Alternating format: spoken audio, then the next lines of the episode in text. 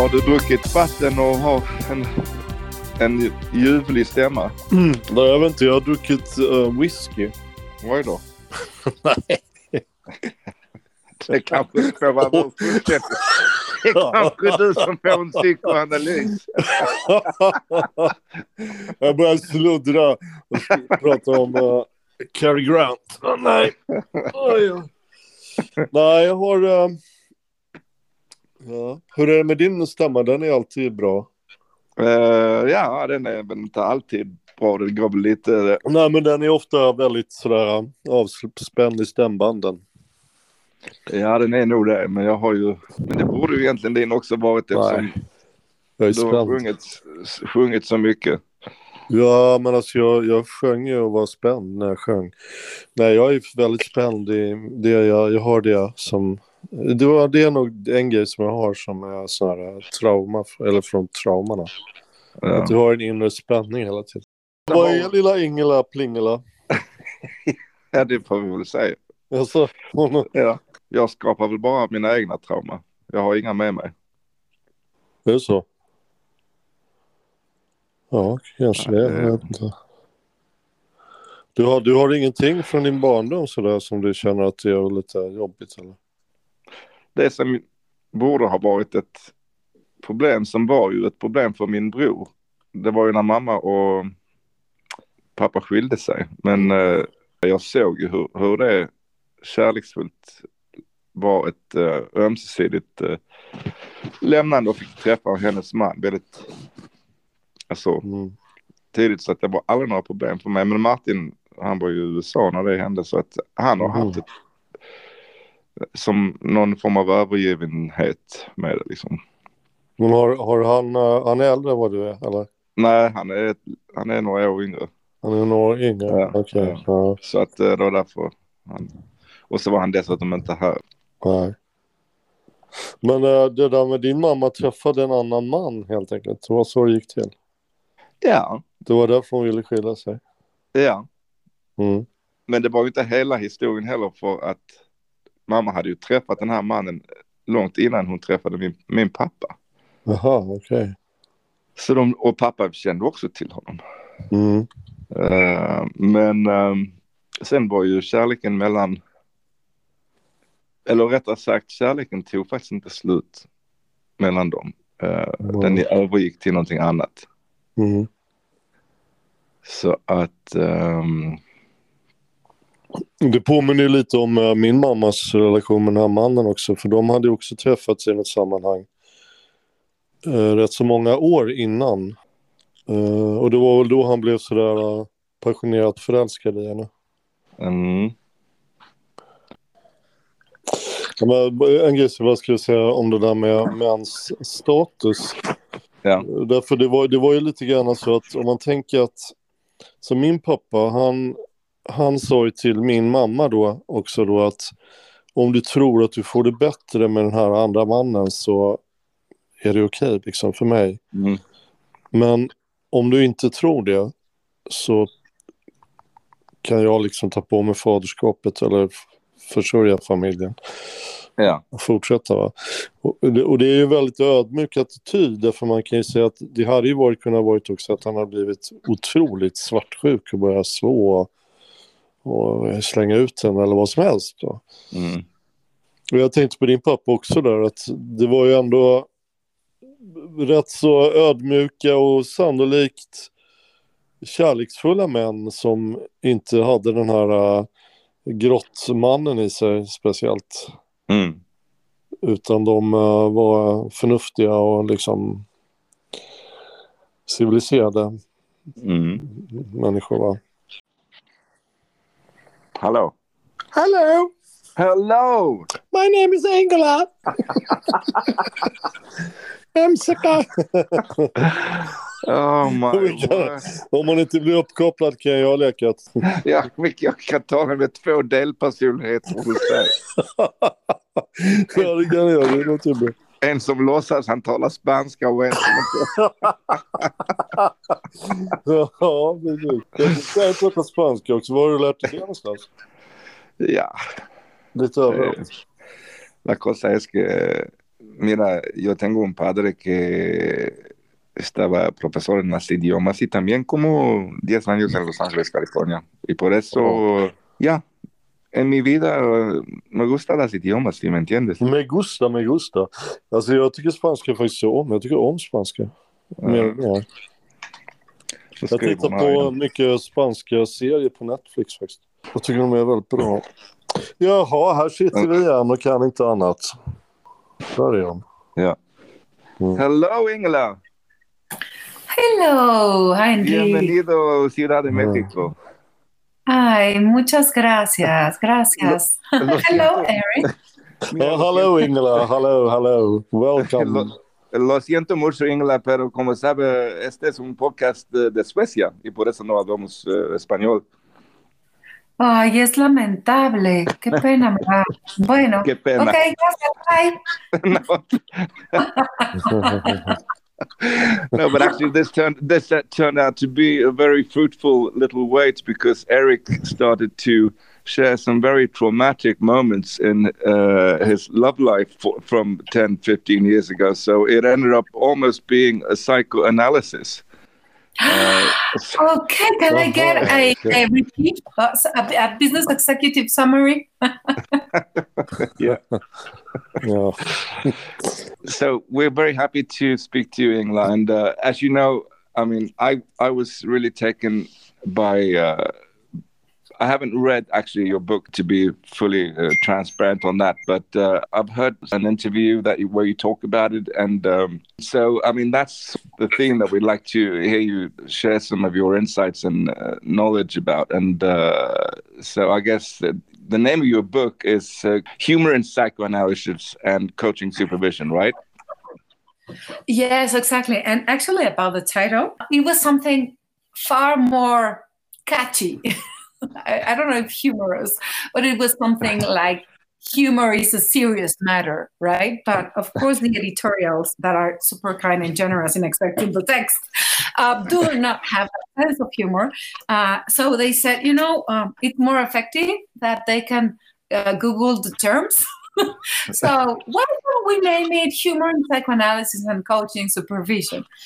And it was like, Ah, that will give us an anecdote to talk about.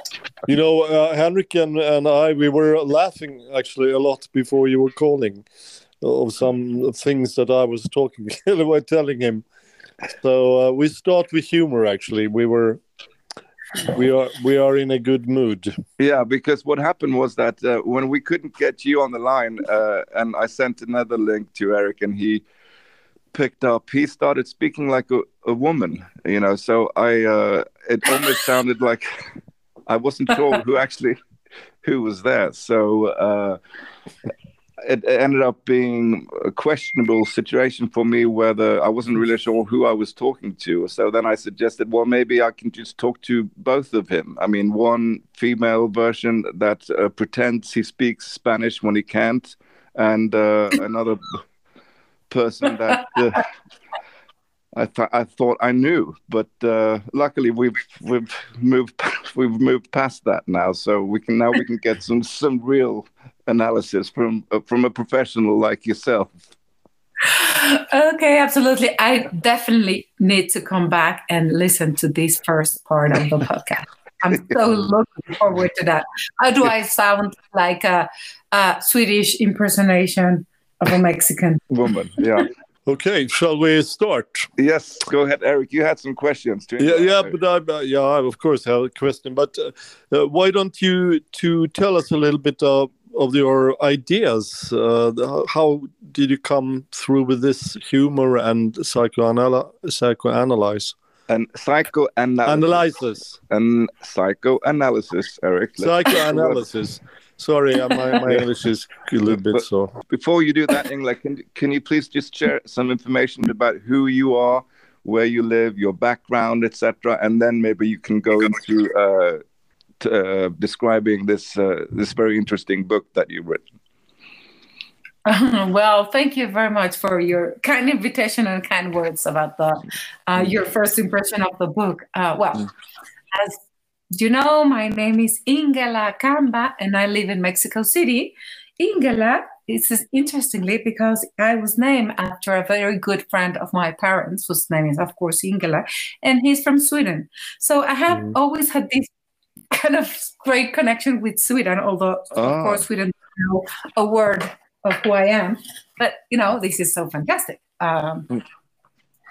So that's for the first thing. I started chemical engineering, and and um, and then I decided after working in marketing, why not, um, to move into psychotherapy because I thought that was kind of the place I wanted to spend much of my uh, time in you know uh, connecting with patients understanding going through the enigmas of the mind.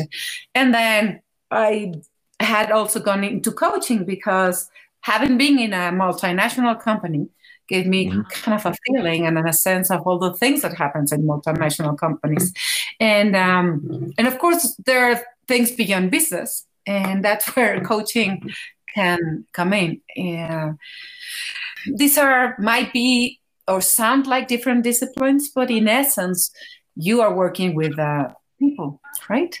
Mm-hmm. Uh, it doesn't and emotions and cognitive situations. So even if you have different uh, processes, uh, I would say that the raw material is the same. Uh, mm-hmm. So that's why it's humor and coaching you know, is a kind of a common topic that it's included in the book. Uh, I was attracted to humor since uh, since I was little. One thing is that in my family there was always a very humorous way to approach kind of um, anger or bad situations, like trying to look at it another way. Sometimes it really did not come easy because uh-huh. you want to be angry, right? You're five years old. So why laugh? You you want to be angry. Uh, that was part of the environment. So and and and my father he had a very difficult young life. He was an orphan and then um, his mother had trouble getting, you know, um, the survival uh-huh. things that you might need, like food and um, uniform for school and that sort of things. But that the when my my my father told us about these stories, there was always kind of a humorous way to tell. You know, there was kind of a funny situation that ha- happened, and I was very surprised why if this could be kind of an Oliver Twist story it mm-hmm. sounded like, oh, oh, good. Uh, that sounds like a good childhood. So uh, I would say that put me in the track. When when did this track start? Really? Well, first I was just curious on like, what? Why can someone be funny? Mm-hmm. um, uh, can I be funny? Uh, mm-hmm. why my uncles are not funny? They think they're funny, but they're making like these very bad jokes. Mm. so I was kind of uh, trying to understand the world. So I would say that um, came from, from, very little, but not in terms of a serious uh, research, right? Right. Uh, and then I I found this. It's, I think it's fascinating, and most people that it's not studying psychoanalysis don't know. But so he had this lengthy book about the jokes jokes on the unconscious. Uh, and he hmm. collected jokes.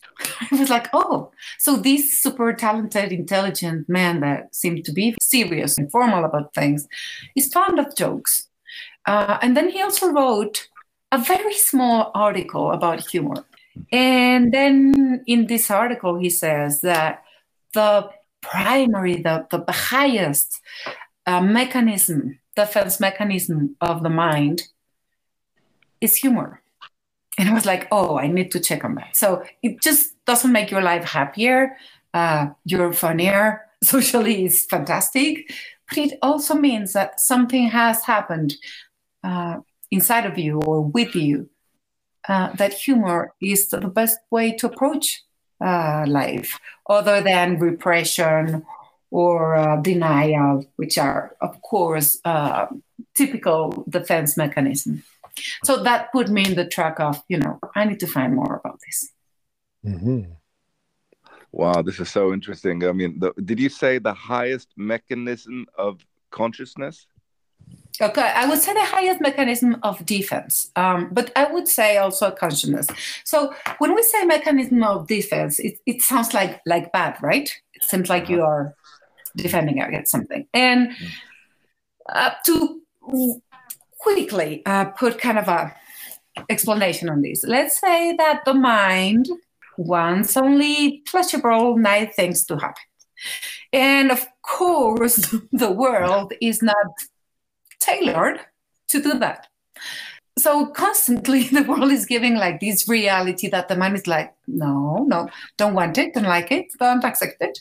And uh, it starts defending, right, against reality. And there, and this happens, course, when we were, we started when we were little.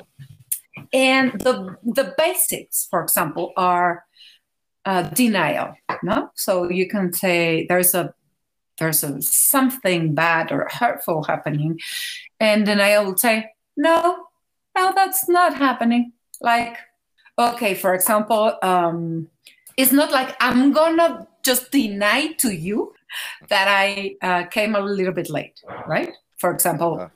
That I had yeah. trouble coming in, I was confused and waiting for a call. Uh, and then uh, you might say, uh, you were like, and I say, well, no, it's, it was not that late. You know, that's a little bit of denial, but I know it was late in case. But if you said, for example, Henrik was saying, like, hey, you know, would you were a little late? And I say, no, no, no, we agreed that we were meeting at 2.30. And I mm. honestly believe that we were meeting at another timing. And I consciously think what I'm saying. Uh, it's the unconscious part that knows that, you know, I was late. But I totally deny it. So that's the denial I'm talking about.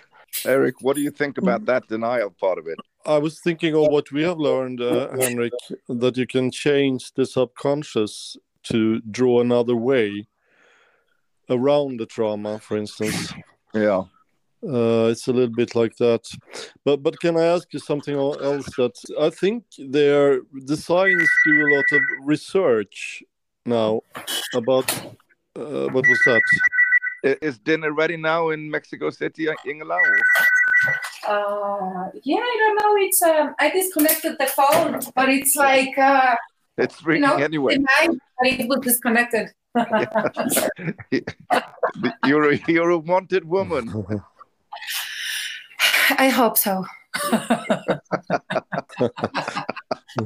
yeah. yeah, but uh, I was just going to say that um, as you do now, there, there have been a lot of research recently, I think, about laughter, how good that is for, for humans to laugh. And also that is happening a lot of good things in the brains and all in the body.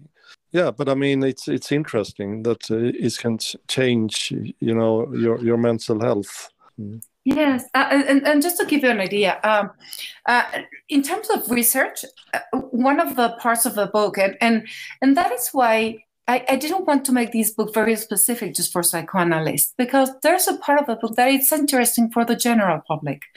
Uh, mm-hmm. I try to kind of tell a story of what what was the story, the history of humor, right? When, when can we find the early traces of humor?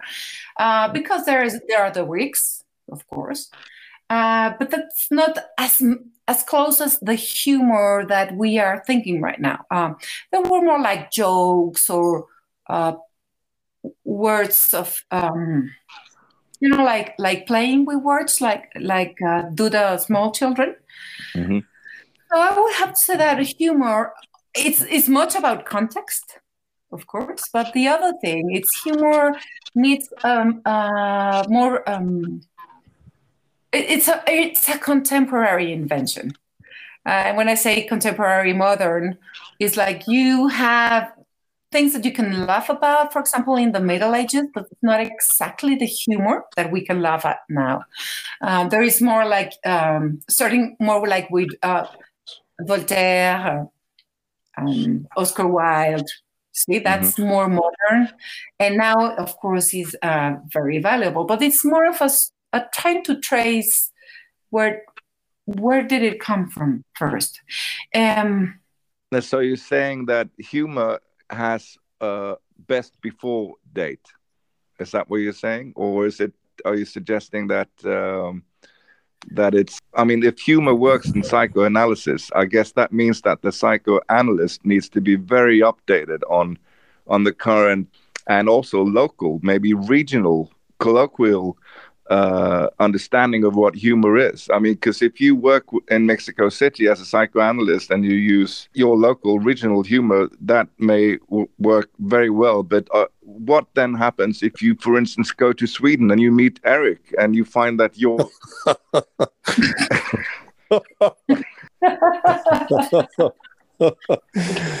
well, yeah but but I I, I uh, I'm not uh, quite uh, clear about everything here. I mean, if also when you treat someone who uh, isn't feel very well, isn't uh, it necessary that you have some sort of self distance that you can sort of put yourself outside if you're going to to uh, take the humorous part for for a recovering Okay, well, then I have to say two things. First, if I was Eric, I will definitely protest and say that, of course, I laugh very much and I have excellent humor. you haven't met Eric. You you should meet him before you make such a bold statement. Okay. okay. uh, but secondly, going to the specific questions about context, it, it's um, I would have to say that it's also a delicate matter. It's not that you can laugh about everything. Uh, and, and, that's what the other part of the book is about, kind of a, the second part of the book, is when, when laugh is an expression of this uh, new flexibility of thinking about you know in the way you think and when it it's only reinforcing defenses. no, these defenses we talk about. So, um, for example, it is a different thing when you have a humor approach to a, a tragic situation that you're having and you're going through it in ter- therapy, right? And then you can see uh, kind of a hope in that situation.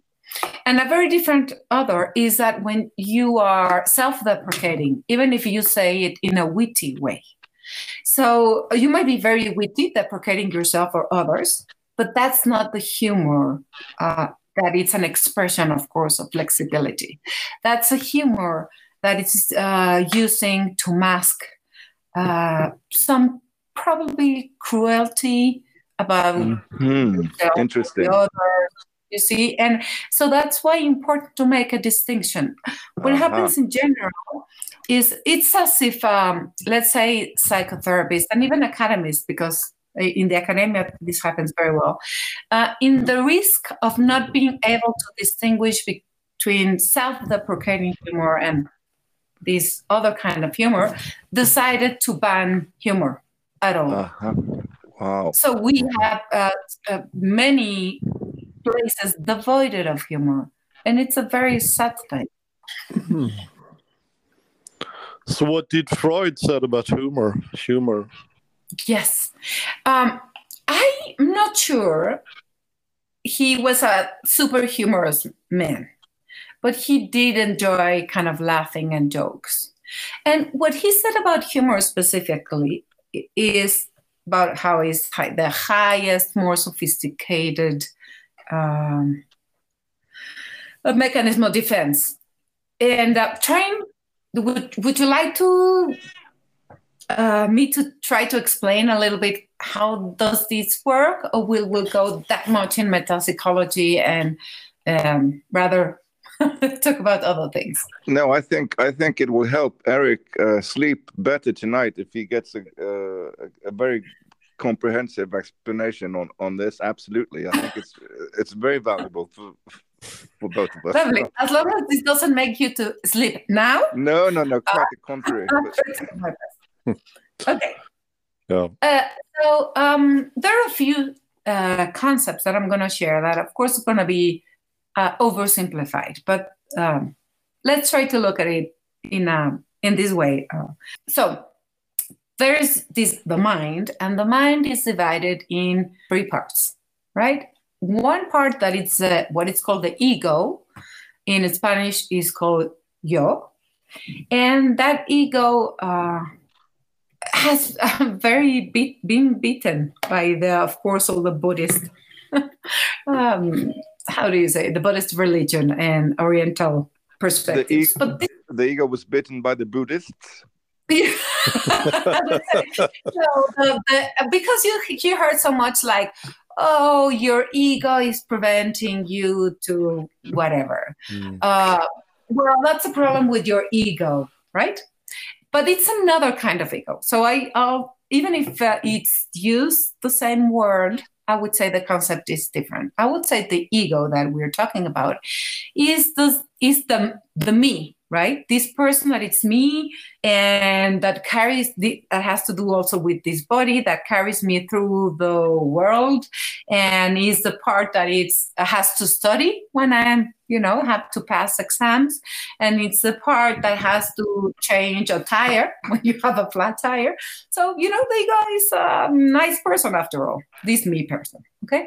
But there's uh, this part of uh, the the ego which is kind of a um, let, yeah, the, the, the vulnerable part. There's another part which is called the superego that I'm, you probably heard about. And this superego, it's built over the early years uh, by, let's say, education, and not just what your parents might have told you, but the school or maybe even the society, right? Mm-hmm. And this superego becomes part of it becomes unconscious so it uh, it has your moral values. Sometimes you are uh, you know about them. Sometimes they direct your decisions, but you don't really know about them. And it's very strict. You know, the superego tells you like this is what you have to do. You do this, you do this, and the the way let's say it relates to the ego part is just by kind of giving these uh, directions that sometimes might be rash. Like uh, it, and it might be something like you need to be successful in that in life. You need to find a partner. Um, you need to be the best friend that it's possible in the world. You know that it's not only you know it's not bad things but it's mm-hmm. very rigid. So if you don't become that person it hurts. Um, so there's uh, much a struggle about this ego part you know, the one that goes living. And then the superego, which is, I need to do this, I should do this, I need to do this. Well, in humor, there's a very particular moment. And it's that this superego, instead of saying this um, demanding instance, becomes like the father that is uh, giving a hand to the kid like saying, you know, yes, life sometimes is hard, um, but there's there's a way to it. Yes, let's not be so rigid. Let's not be so tough with it. Uh, and that relationship changes the way a person relates to life. And that's what happens when uh, humor happens. Uh, it's like accepting the reality, but then being um, overwhelmed about how how it can be. Is you know maybe you can laugh about it. Still be the reality of course but you can laugh about it. Um, so for example there's a there's a joke because humor is also more in a relation about yourself um, not in terms of others. So jokes are difficult because of course have to do with someone the teller me in this case telling the joke and you being on the other end listening to the joke. But this is a joke about humor so I'll, I'll, and you will see the mechanism. Don't you don't have to laugh. Don't worry. Mm-hmm. so, uh, Freud tells this story about the uh, the prisoner that's been executed today. Uh, you know that date to to death. It's mm-hmm. a Monday. So when they say, um, they say, "What are your final words?" and they say, "Well, if I had to say something, I would have to say that it's." Uh, such a bad way to start the week. Right? yeah. Mm, okay. so as you can see, it's terrible because he's not having a week. But Uh-huh. in a sense, he's like trying to normalize it. So that kind of relationship, which is a very unique one, is what humor is about. And that um, that's also what I have uh, explained a little bit, kind of basically, and I'm not sure whether you go went through, uh, but that's also part of the things that I I I wanted to share in the book. But I mean, how do you think in practice when you're a therapist and a patient? How do you, in a treatment situation, how do you manage to reach the patient with humor, or how, how are you going to to uh, in sort of? I, I don't understand completely actually how a therapist will use the humor. So that's also part of the conversation in the book, and it's a it's a very good question because humor has other particular characteristic. It's a very spontaneous act, so it is very difficult for me to come into a session and say, "Well, now I'm going to use humor," Mm, okay. because if I'm thinking and using a particular joke in that session, Mm. then I'm not really listening to the patient, right? Mm. And, and the thing is, as as a therapist and particularly as a psychoanalyst, you follow uh, your patient in terms of where he's or she is going, and the speech and the words, and Mm. so the only thing that you can do is um, uh, be prepared for something to happen. Be prepared to be surprised. Be Mhm. prepared that in the words of a patient, there might be something uh, that might allow you to intervene with humor. Uh, but when I say be prepared, it's not like, well, I'm going to read this book and I'm going to be prepared.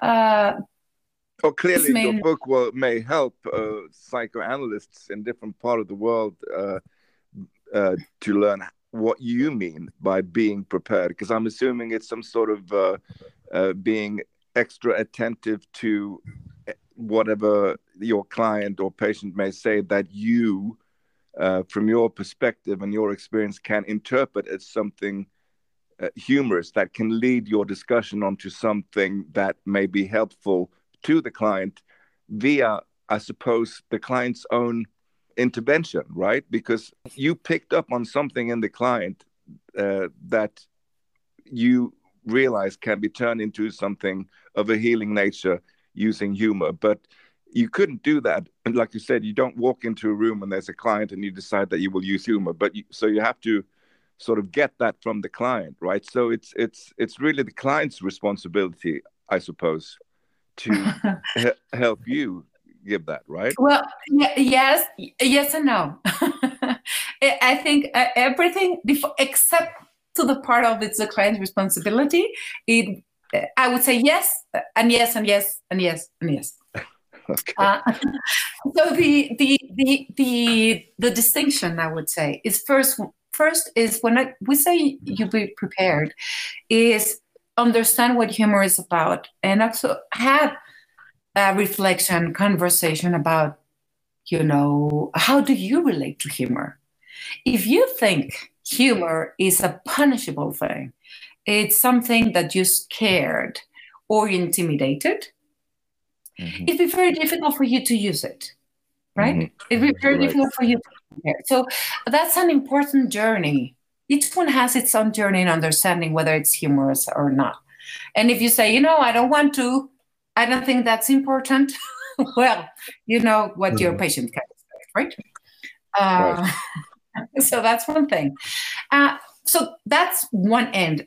On the other when you say um, mm, the the the responsibility in in general it's something you start building. Like uh, some authors call it like the therapeutic alliance and it's the bond you start uh, weaving right with the let's say now with the patient but also can be with the client uh, just start weaving and there starts being trust and and then suddenly when something humor uh, can ha- happen, you you might say something. Um, there is a story. I'm not sure whether I, I, put it in the book, but I remember this story about a schizophrenic patient from Bleuler, uh, Bleuler which is um, a teacher from Freud. But um, there was this schizophrenic patient when, say, let's say, all the army was there. Um, so let's say the captain, the generals, uh, the cooks, and the ones that had been that were not present that day. So of course the he he realized that there was something humorous about you know being present those that were not present. Right. Um, you know, like this, there was a paradoxical um, thing going on, but the patient was a schizophrenic, so it's it's not a moment for you to laugh or even or concentrate. No. Right. So you just right? Like that was said. Um, so in the therapeutic therapeutic alliance, there's there's the time when you kind of um, can get a clear more diagnosis of what what is your patient, and the patient can relate to you and know. And if you show something, um, he can fully trust that it's or she can fully trust it's an in you know as an intervention uh, specific to that person, not for you to laugh about. Mm, right. Just so there is this moment when you build an alliance, and and then you yeah. can also doing a humorous thing. Yeah, uh, you know, I when I went to uh, therapy myself, I remember some some sessions which uh, we had a kind of, uh, but that was also that I had this sort of self distance from myself. I saw myself from the outside, and then I could see the humorous things about when I did a lot of things, you know. But especially in that sessions, I remember that I felt very, very well afterwards because we had been laughing. You know, there was something healing in all my body. So um, yeah. Yes, uh, yes, uh, and, and that, that's very important to validate. Um, because first one thing is humor. It's it's about that mechanism of taking distance but maybe you're not really distancing let's say from yourself but you're distancing from that painful uh, context that yourself might be in right? Um, but you're fully present because you're observing you're kind of laughing. So it's a very interesting way of distance. But i mm. think yeah that, that's more or less the feeling. And then you of course laughing um, takes um, takes the heaviness of the situation. Mm. and, and, then it's not only for that moment. It's not like you just went to stand-up comedy and you laugh a lot. And of course there was a lot of things going on in your body that make you feel better. Uh, mm. uh, no. It's something changed. The mm. way you related to that difficult situation mm, yeah, of course. because over time or anything mm. that really changed mm.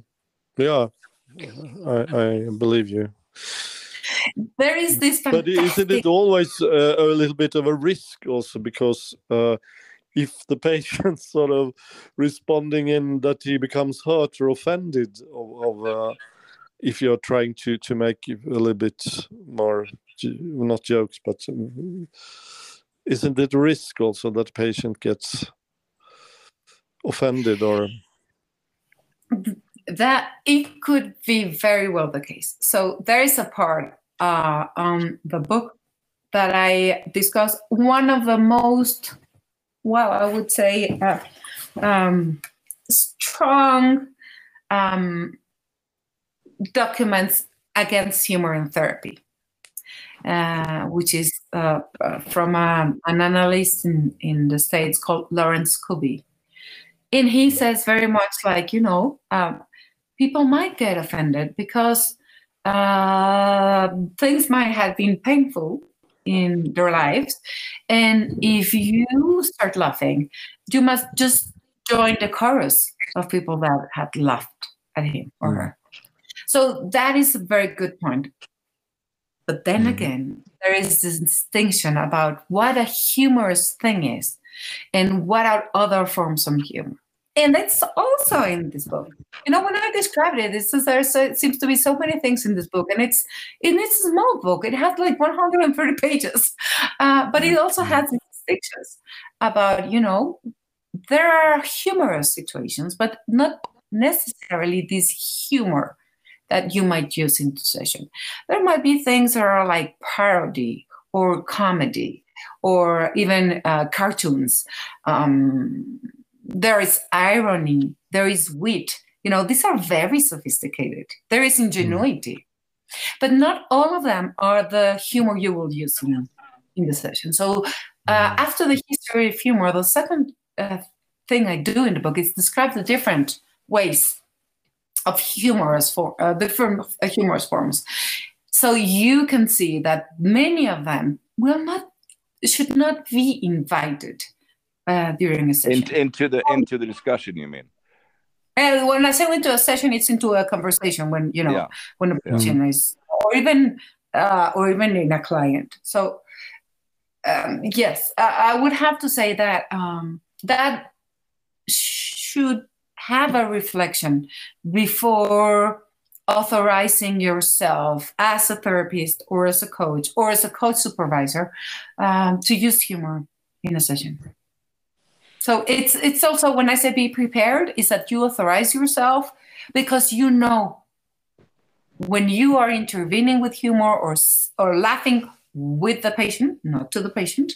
Um, what is it that you're laughing about? And being able to distinguish whether you're using humor in this sense of the major humor or any of the other ways that i mean that sounds like a vast science that that i haven't read much anything about or, or heard so much about. But I mean, has there been a lot? Have you done a lot of research into this? Because I'm I'm wondering when you say it rings really true for me and i can just give an example of, of anything that happens to you in, in your daily life. Say for instance if you run into an argument uh, with somebody in your family or or with a friend, and and uh, it's because of some sort of um, either minor or severe misunderstanding. But and let's say that in this particular scenario, I was clearly at fault, or the reason behind the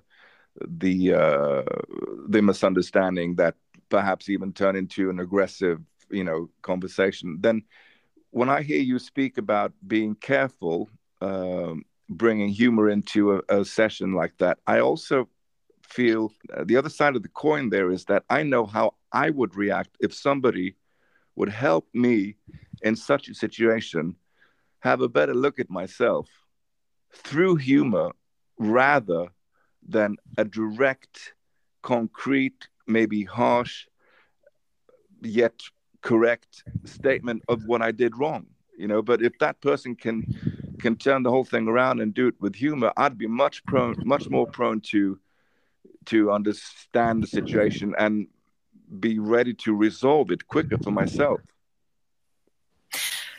Exactly. So oh, you, oh, can you, know, so that's not, so there's not only. I mean, Eric was suggesting that uh, there's a risk of bringing humor into it, but the other side of that coin is that there is it's a risk not bringing it in.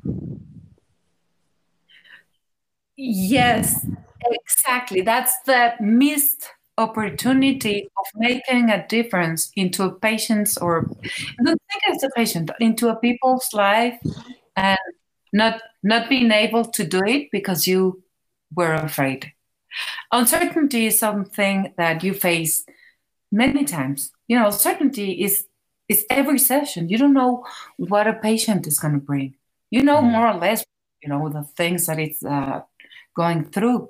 Uh, but every session is, goes with uncertainty. Uh, so interventions are not like, oh, a golden thing that you know that will make a difference. But when you're able to use humor, mm. it you know it has very high odds of being listened. And there's an example in in the book that I shared. Um, do I have time to share it? Of course. Can I just ask you one thing on this topic here before uh, you go into that? I mean, because I want to under- make sure I fully understand this. You you've said a few times that there's a distinction to make between the kind of humor that you can introduce into a session like that, or the kind of humor, for that matter, that can be used in any kind of situation with uh, a friend or a family member that you have a, some sort of argument with. But can you please describe what is the distinction? Because it's clearly not going to listen to Joe Rogan or a stand-up comedy uh, show or even Dave Chappelle or any of these guys. That's not what we're talking about here. But then what No. is it? Well, that is something um, that took me some time to um, try to nail down a little. It is not like um, it's totally unknown, but has not been, uh, at least I did not find, except for Andres.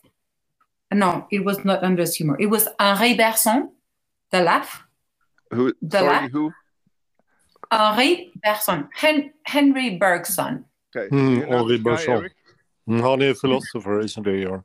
so he he has the closest um so he i i, I used a lot of um his understanding in this and um he and of, i had to complete it with other things with like wheat uh very much from for example chesterton Mhm, right or voltaire uh, which is a different thing but uh so there are these ways there is comedy or parody and Right. all of these things are more related to making more automatic movements with your body and that they could be repeated you know and this for example the kids do it perfectly or the teenagers with their, their parents if you have teenagers around you will see how can how they good are making fun about their parents because they are repeating what it's more like an automatic um how do you say an automatic um response and movements okay Okay, so what you're so saying that the teenagers are then more like stand-up comics than the kind of humor that you are talking about, and they do it very well because they know parents, or what do you what do you mean? more or less Oh, um yeah Okay. I I don't want to diminish um, the, you know, the um, the sensibility of the teenagers, but I have to say that when when they make fun about their parents, this is the kind of humor they are using. They might have excellent humor in other moments, but just the example of imitating their parents, yes, that would Right. um, that would be kind of a more of a parody thing. There's also the sarcasm. I I think sarcasm is a word that is uh, used wrongly in many uh, places.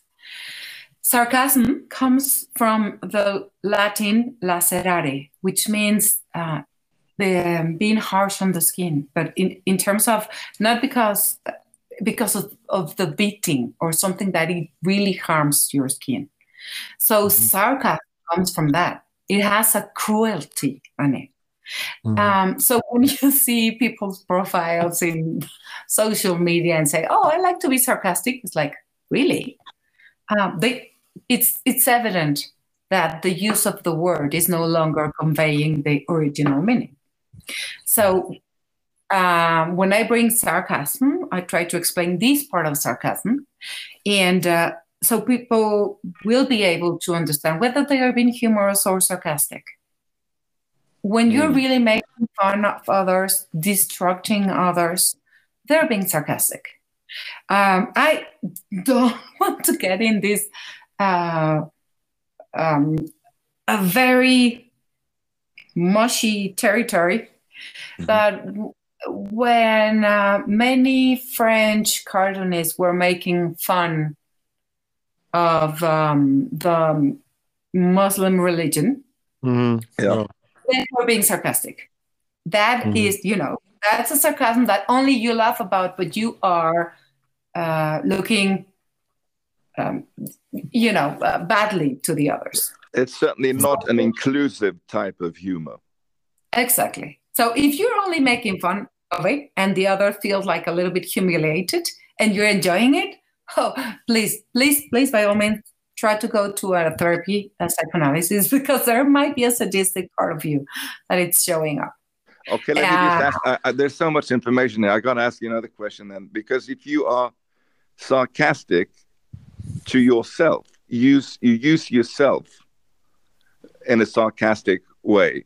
That often I find helps deflate potential situations where there's um, aggression, perhaps growing. You know, and it's also a kind of of humor that I mean, I find myself being sarcastic uh, about my own self and my own uh, traits and and roles and and and patterns and and uh, I mean, I'm not going to say that I always am successful in being funny about myself in, in a sarcastic way, but I can I can certainly say that I sometimes do, and I I sometimes find that it is it helps deflate the situation or makes it funny because people I mean, for instance, I have lots of dinners at my place here, and there's lots of different people from different, not only nationalities and cultural backgrounds or whatever, you know. But I, I do that because I'm very curious by nature. But but uh, in a, such a situation where there's a, a, kaleidoscope of different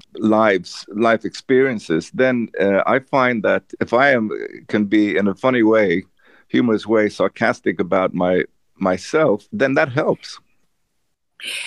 Um, yes, I would have to say that's when I suggest the distinction of being able to know whether you're being humorous or sarcastic. Uh, you can be super witty in terms of how you make fun about yourself, and that might be, you know, a humorous thing, and maybe you make other laughs and yourself as well. Um, everything has a distinction. Mm-hmm.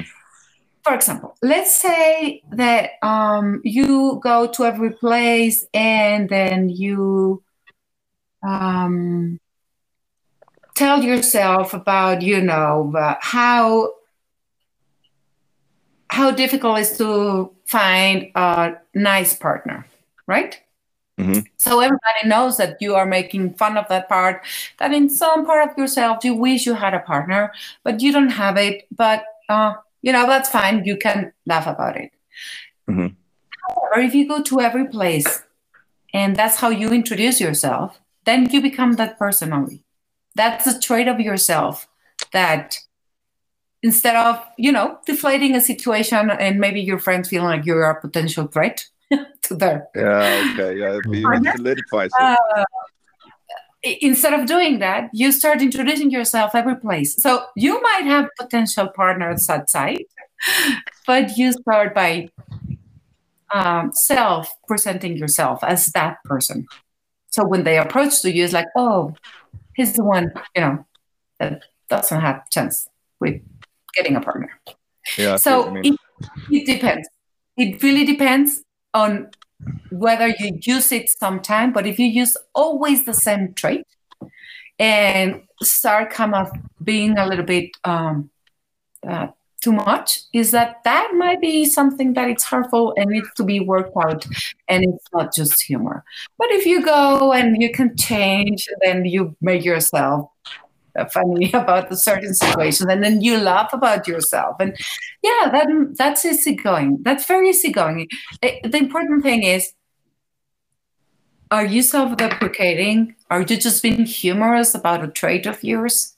Uh, so there is a difference. In, in, meetings well i'm sarcastic. Of course you don't have to say oh i'm humorous because i'm saying i'm sarcastic you know? But the thing is that difference it's clear for you inside I suppose the distinction to make is is between facetiousness and being sarcastic. I actually like the term facetiousness better, and that might actually be a better description uh, of how I find myself acting in situations like, for instance, at, at dinners at my place. So it's it's really, and in French that's facetieux, which means I mean you put on a face, you you show a different face. Really, what I think that is for me is that I, I'm able to, to unmask myself. Exactly. Yes, that's beautiful. Humor it's about unmasking these, you know, little dark parts sometimes. Yeah. hmm, this is very interesting. Mm-hmm. Yeah, thank you. I think I, I, I love the idea that humor is an interesting thing that we need, you know, to go deeper. And that's more or less the invitation, not to have all answered, but start a journey when you ask about the way you make jokes to yourself or not. Do you laugh about yourself? There's so many people that does not laugh about themselves. Um, is it um, is it the way you relate to others?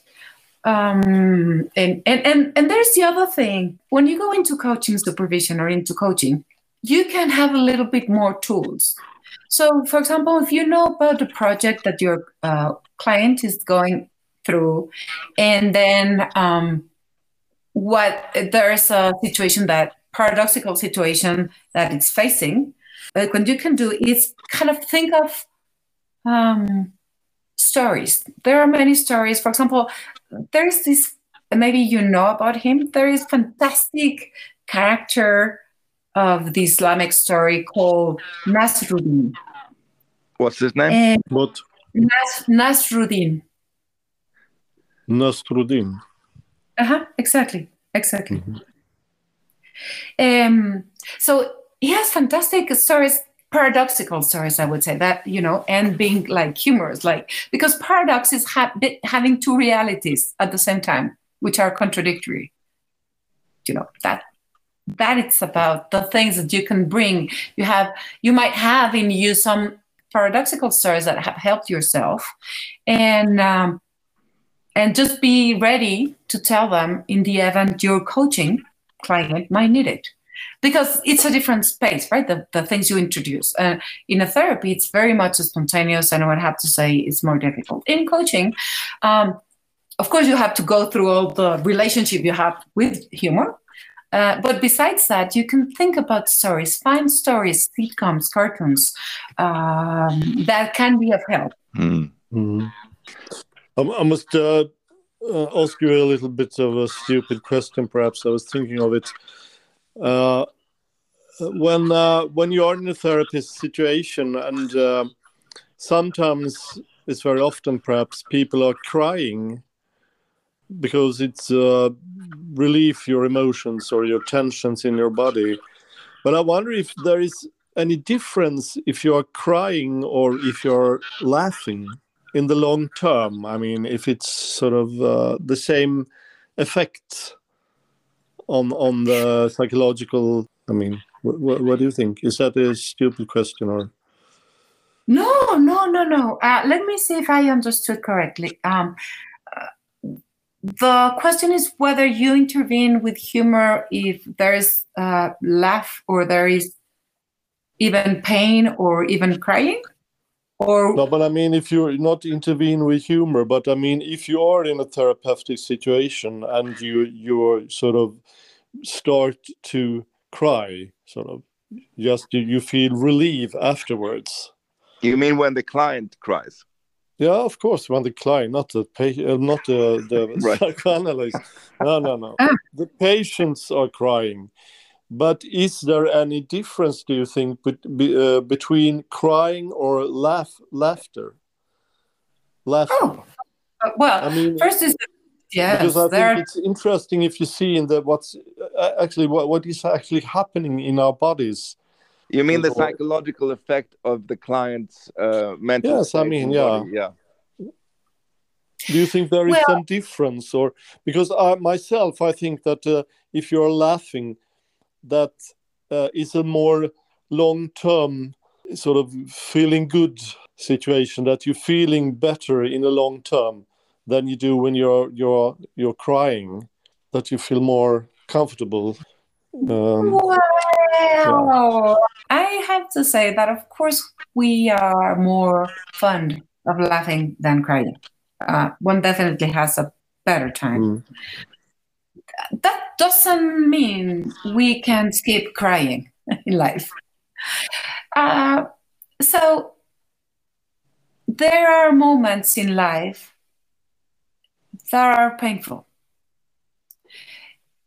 And if you use humor immediately, it might mean that you are fearful of pain.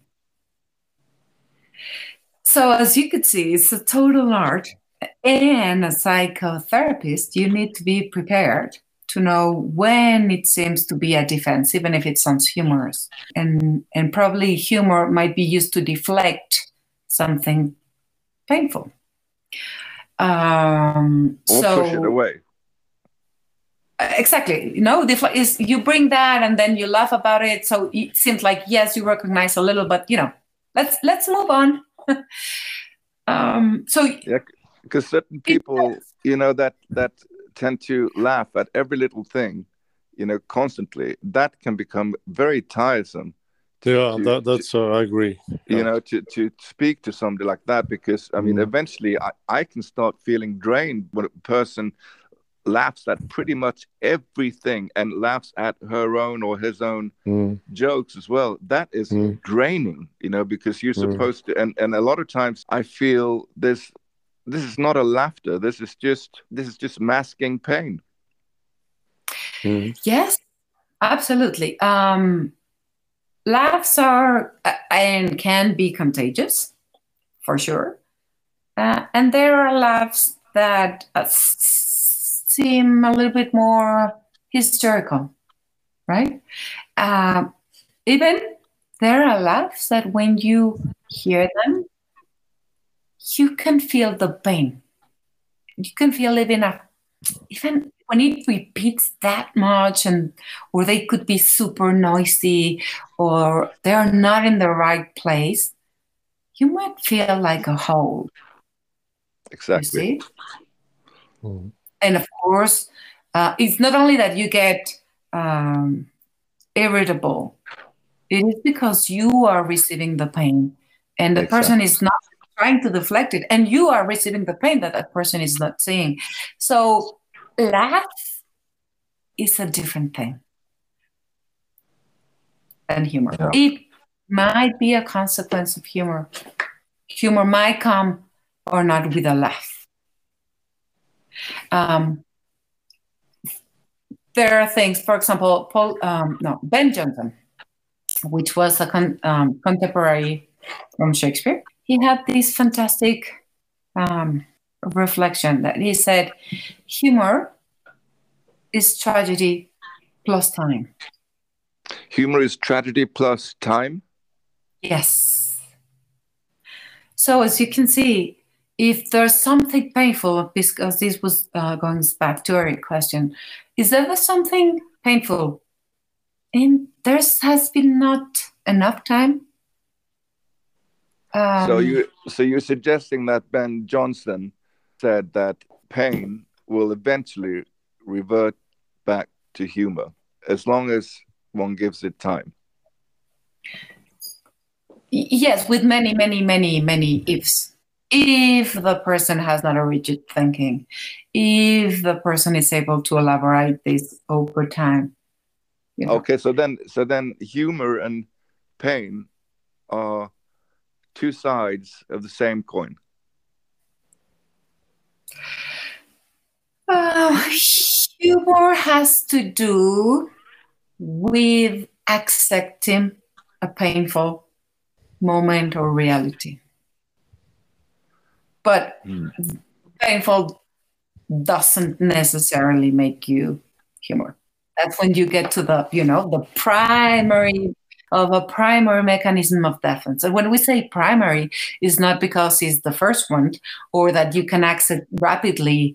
It's because if you access it, life will be far easier. Mm.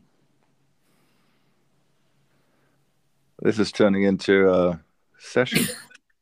no. but yes, it's, it's you know, life is more or less into that. But uh yeah, maybe we can keep for other topics for another uh, Yeah. podcast. Absolutely. That you I know. I just get a little bit curious what sort of reactions you have got from your book. Uh, I was kind of a little bit um, nervous what my psychoanalyst colleagues and coaching colleagues would say. Hmm. I was very surprised at the warmth of the people. Mhm. Um, many, many coaches, mostly the most senior ones, were saying, "This is this is something that was badly needing in our profession."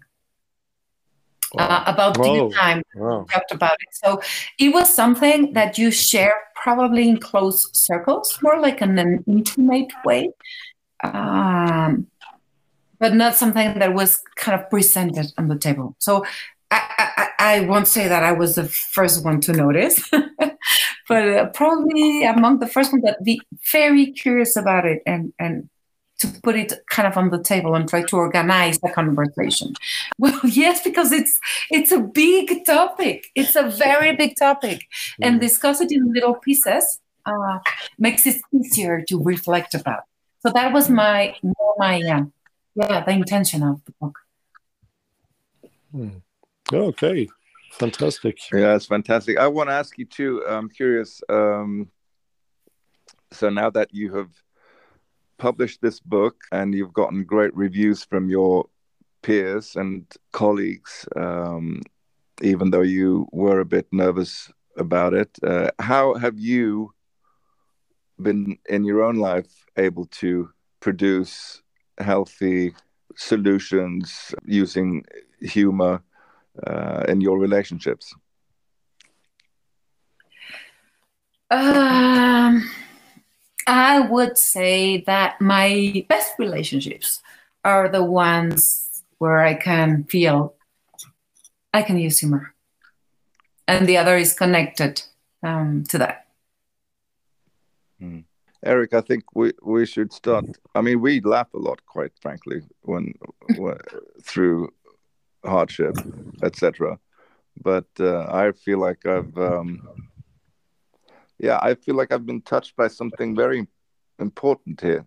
I'd like to, um, yeah, we should continue this and maybe theme it up on a few other topics with you, Ingela. I, I it was really lovely to. Uh, talk to you. I, don't- I, maybe is dinner on the table now in Mexico City, or is- Uh, no, well, actually, I'm ready for lunch. They're Yeah. ready for lunch because we were a little bit late. Ah, but that's, that's that's all right. But what I um what I love about what you said is that sometimes there are a few things that we. I, I think that a very good conversation has a transformation. No, right? It it it doesn't leave the people involved on it untouched. Um, and there's a time for that to sink in.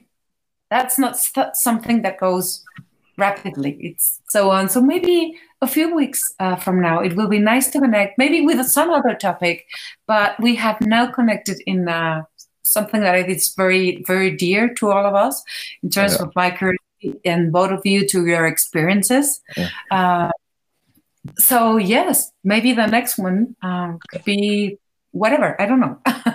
there are so many topics that we can cover about Yes. life and sounds wonderful. Muchísimas gracias a usted. En Ay, gracias. Es un placer. I'm, I'm, I'm so um, honored to be able to have this conversation with you and thinking, you know, that this goes to Sweden. It's so cool. Yeah.